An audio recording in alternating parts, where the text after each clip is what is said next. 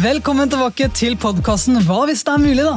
I dag blir det laga som en liten walk to talk igjen, hvor du kan få lov å få litt musikk. Du får masse spørsmål av meg som du kan få lov å reflektere over. Så la oss bare hoppe inn i det. Jeg eh, lurer på, jeg, til å begynne med Når tok du plass den uka som har gått nå? Når er det du kjente inni deg at å, det her er kanskje litt ubehagelig, men vet du hva? Jeg våger å ta plass, jeg. Jeg våger å sette meg ved den pulten. Jeg våger faktisk nå å se den muligheten, og så går jeg for det. Når var det for deg?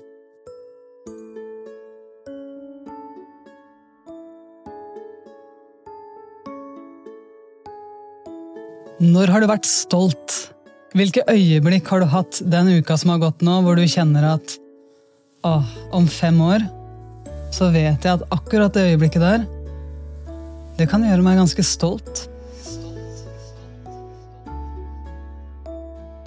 Det kan være en samtale du har tatt, det kan være noe du gjorde for deg selv.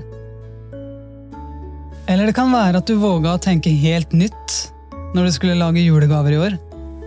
Kanskje istedenfor å kjøpe dyre, fancy ting, så satte du deg ned og skrev et takknemlighetsbrev til en du var glad i. Jeg vet ikke hva det her var for deg, men det kan hende at du har gjort noe denne uka her som er verdt å huske på.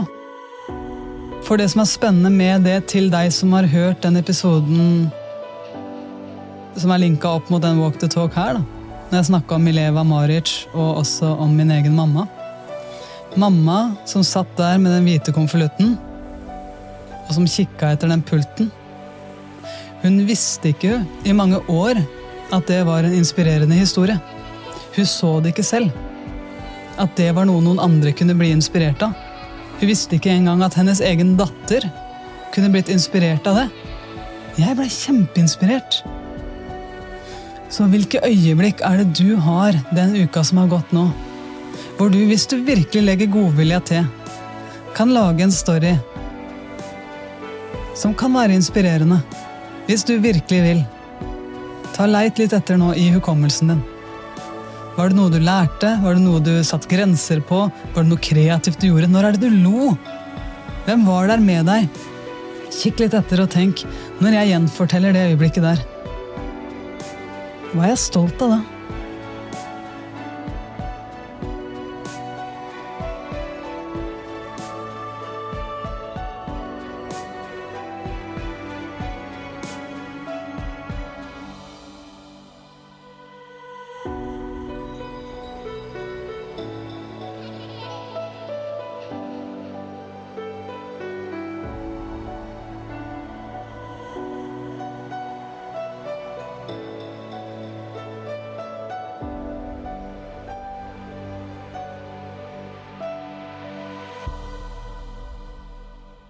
Nå håper jeg du har fått opp noen øyeblikk som du har gjort som har gjort deg stolt. Og det kan godt hende at uh, det også fins øyeblikk tidligere i livet ditt som ikke bare var fra den uka her sånn, men øyeblikk hvor du kan komme opp med Hm, ja.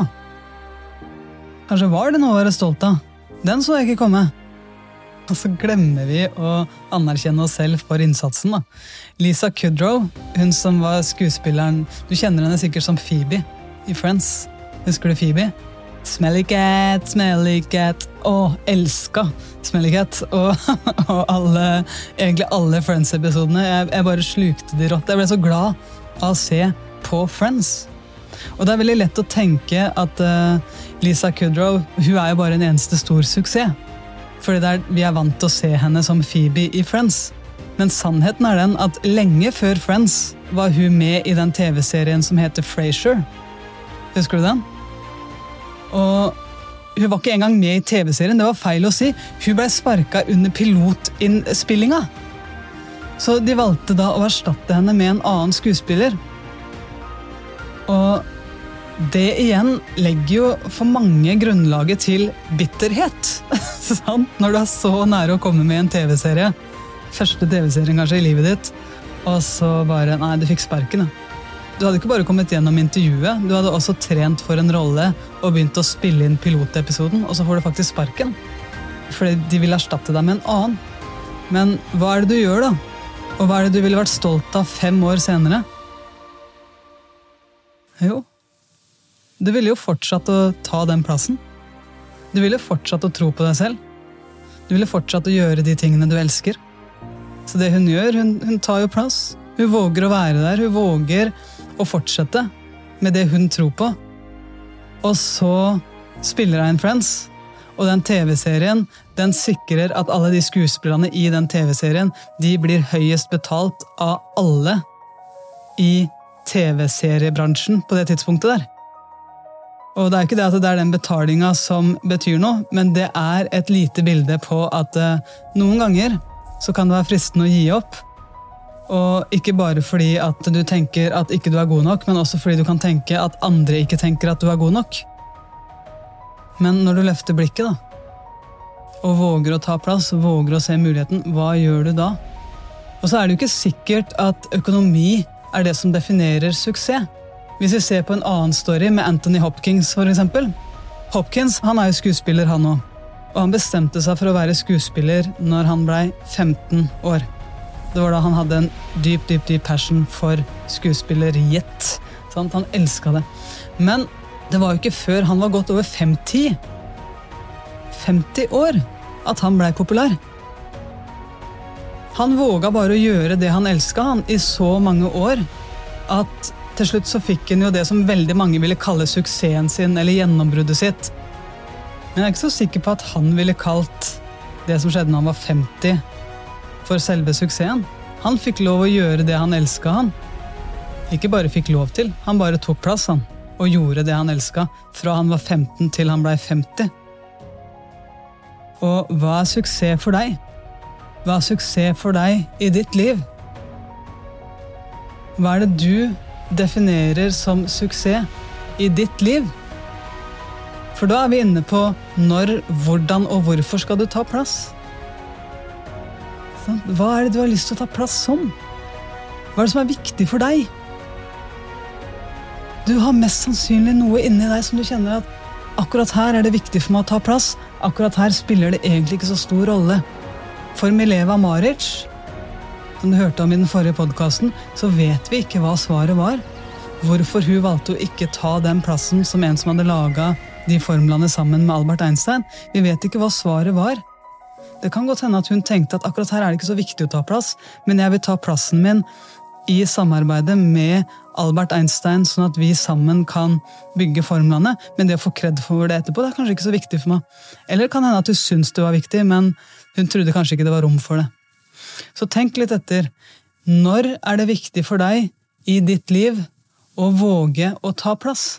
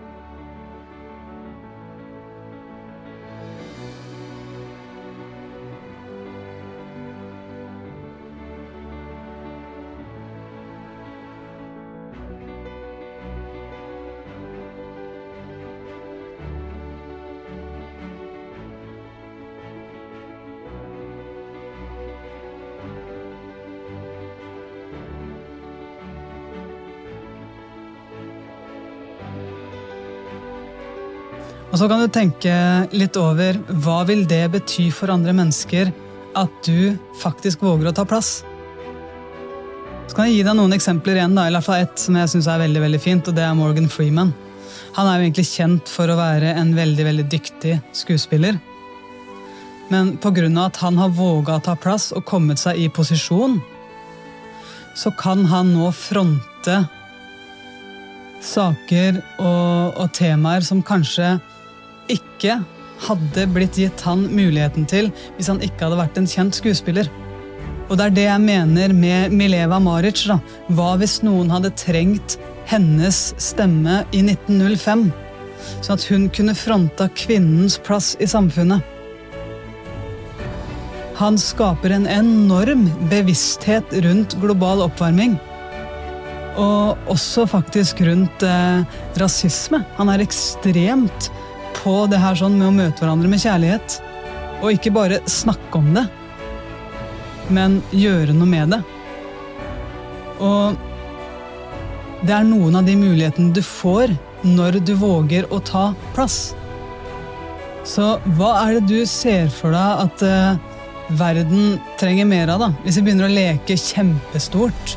Når du nå har begynt å leke med å bruke stemmen din, du har tatt plass, du har blitt en, en eller annen som kanskje starta et sted, og som nå har fått en tydelig stemme, hva har du lyst til å bruke stemmen din til? Hvis du ikke var beskjeden. Hvis du nå bare våger å ta plass, være til bry, bruker stemmen din for det du tror på, hva er det som er dine kjernesaker da?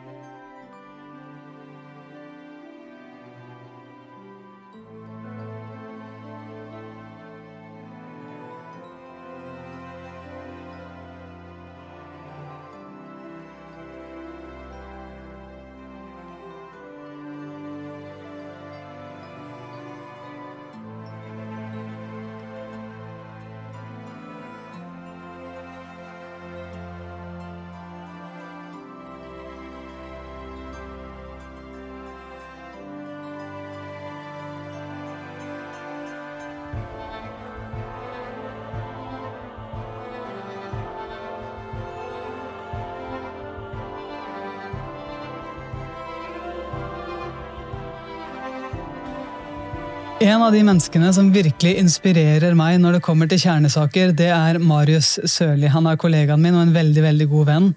Og han er litt sånn, litt bekymra for det materialistiske synet eh, veldig mange har på gaver. Og, og, han mener jo det at det går an å gi enormt mye av verdi som ikke nødvendigvis er av materialistisk verdi. Og en av de fineste julegavene jeg har fått av venner, det er fra Marius. Uh, han spilte for tre år siden vel inn en meditasjon til meg. En visualisering. Hvor han forteller meg akkurat som han leser opp et takknemlighetsbrev. Som handler om alle våre øyeblikk og alle menneskene jeg er glad i. Og alle øyeblikkene jeg har hatt gjennom det året som har gått. Som jeg har all mulig grunn til å være stolt av. Og han ga meg det i en QR-kode en liten lapp med en QR-kode, hvor han sier han jeg vil bare at du skal høre det her sånn, sånn at du husker dine øyeblikk. Jeg er så takknemlig for å ha deg i mitt liv, og jeg vil at du skal vite det. Og den gaven for meg, eh, den har en så enormt høy verdi. Og han, han bare tør å bruke stemmen sin. Han tør å ta plass og gjøre det på sin måte. Bokstavelig talt, faktisk. Bruke stemmen sin ta plass og gjøre det på sin måte. Og, og vise hva han tror på. Han tror på at det går an å gi bort enormt mye som ikke nødvendigvis er noe du får kjøpt. For det er som det gjorde noe med meg på innsida. Så hvis vi tenker det et hakk videre for deg, da. Når du nå bruker stemmen din, hvordan kan du påvirke andre mennesker positivt? Hva er det du har lyst til å se mer av i verden? Og hva er dine ideer? Hvis du nå ser på noe som du kjenner at Og ofte så handler det om spørsmålet 'What pisses you off?' Hvis du kan svare på det, og jeg liker å si det på engelsk, for jeg syns det er eh, det, det er noen kraft bak det, men hva er det du er drittlei av å stå og se på? Og hvordan kan du ta din plass og gjøre noe med det? Når du virkelig våger å ta litt plass der, da. Hva er det du har lyst til å gjøre noe med, og hvordan kan du gjøre det på din måte, det som er nære hjertet ditt? på din helt unike måte. For vet du hva? Din stemme betyr noe. Du er viktig. Så hvordan kan du gjøre det her på din måte?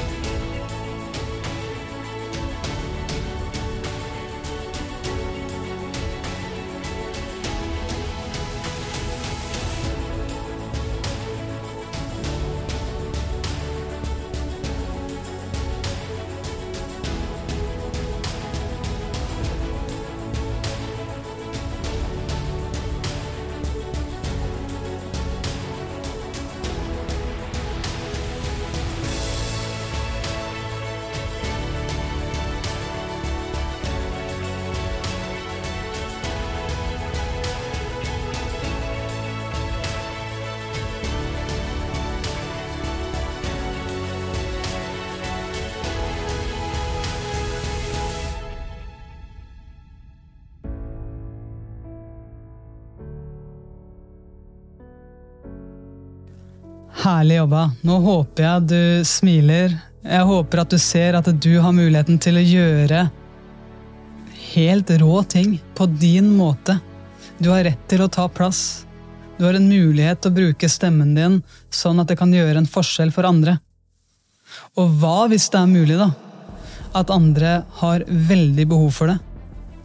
Sånn at du kan legge vekk den tanken om at nei, hva hvis det blir for mye? Nei, hva hvis det er akkurat det vi trenger? Hva hvis det er akkurat deg vi trenger? På din måte. Tusen takk for at du lytta til dagens episode av podkasten Hva hvis det er mulig, da? Det betyr veldig veldig mye for meg å få lov å lage de her. Jeg syns det er kjempegøy. Jeg koser meg så med det. Og det at jeg vet at du hører på det, det gjør meg skikkelig glad. Så det her er min måte å ta plass på. Det her er min måte å bruke min stemme på. Og jeg gjør det på min måte. Walk the talk er helt min, min helt unike måte. Det er helt sikkert, Jeg vet ikke om det er sånn man pleier å lage podkaster, men det er helt sikkert ikke det. Jeg har ikke hørt så mange som gjør det på den måten her før, men jeg liker å gjøre det akkurat sånn. Og jeg liker å leke med formatet. Og det tror jeg er det som gjør det gøy da, å gjennomføre. Der du kan leke litt på din måte. Hva hvis det er mulig, da?